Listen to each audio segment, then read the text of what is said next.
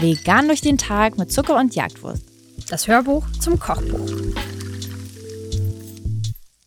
Wir befinden uns gerade in einem Restaurant, würde ich sagen. Für mich ist dieses Gericht nämlich eines der meistbestelltesten Gerichte in ähm, vietnamesischen Restaurants, würde ich vermuten. Ähm, jedenfalls ist das die Umgebung, ähm, die ich fühle, wenn ich diesen Reisnudelsalat mit gebackenem Tofu sehe.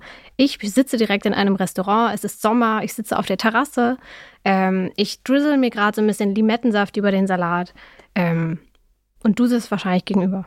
Oh. ich glaube, genau so habe ich diesen Salat kennengelernt. Du warst sehr wahrscheinlich auch dabei. Es war im Restaurant namens Soy in Berlin Mitte und es hieß damals, es war die M5 auf der Mittagskarte.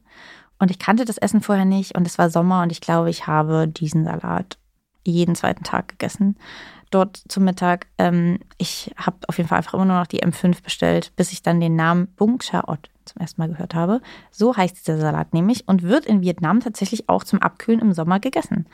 Und ja, es geht mir genauso wie dir. Ich, äh, wenn ich in vietnamesischen Restaurants bin, ist das für mich eigentlich die sichere Bank, die ich gern teste.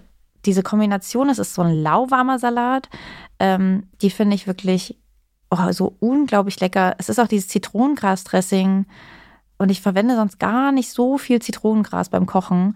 Aber hier finde ich das also wirklich umwerfend lecker. Ihr könnt dafür frische Zitronengrasstangen verwenden. Die findet ihr generell auch in größeren Supermärkten, aber auch hier ist tatsächlich ein asiatischer Supermarkt definitiv die Anlaufstelle Nummer eins.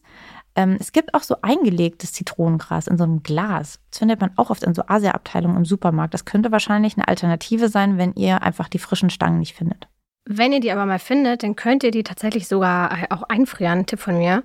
Dann haut ihr die einfach ähm, fürs Dressing oder wenn ihr damit irgendwie eine Kokossuppe machen wollt oder so in den Topf, schlagt da ein paar Mal drauf, damit sich die Fasern schön lösen und äh, fischt die am Ende wieder raus und eine Zitronengrasstange gibt ja ganz, ganz, ganz herrlich ähm, Geschmack ab.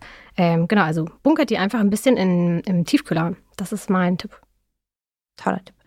Wenn ihr einmal dann aber sonst auch im Asiamarkt seid, haltet da mal Ausschau nach gebackenem Tofu, denn das ist wahrscheinlich die Zutat, bei der ihr beim Lesen der Zutatenliste gerade ein bisschen stutzig geworden seid. Den findet man, soweit ich das weiß, in keinem üblichen Supermarkt. Es ist generell ein bisschen verwirrend auch. Manchmal steht nämlich frittierter Tofu auf diesen Packungen, manchmal steht gebackener Tofu darauf. Der hat wirklich noch, noch mal eine ganz andere Konsistenz als Naturtofu. Natürlich könnt ihr für dieses Rezept auch jeden Tofu verwenden, den ihr möchtet aber ich finde, der gibt dem Ganzen wirklich auch nochmal so eine spezielle Note. Wenn ihr ansonsten aber auch gern so eine Form von gebackenem Tofu hättet, diesen jetzt aber nicht zu kaufen ähm, findet, könnt ihr natürlich auch einen kleinen Umweg gehen und selber Tofu backen oder sogar frittieren, wenn ihr das wollt.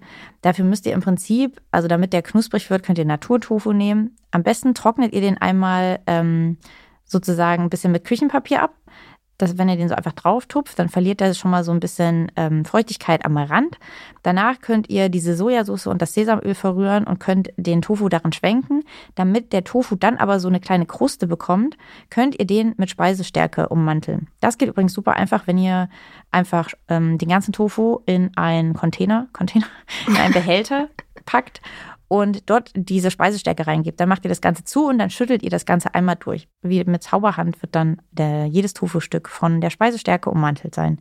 Und so könnt ihr das Ganze dann in den Ofen packen und so lange backen, bis er knusprig wird.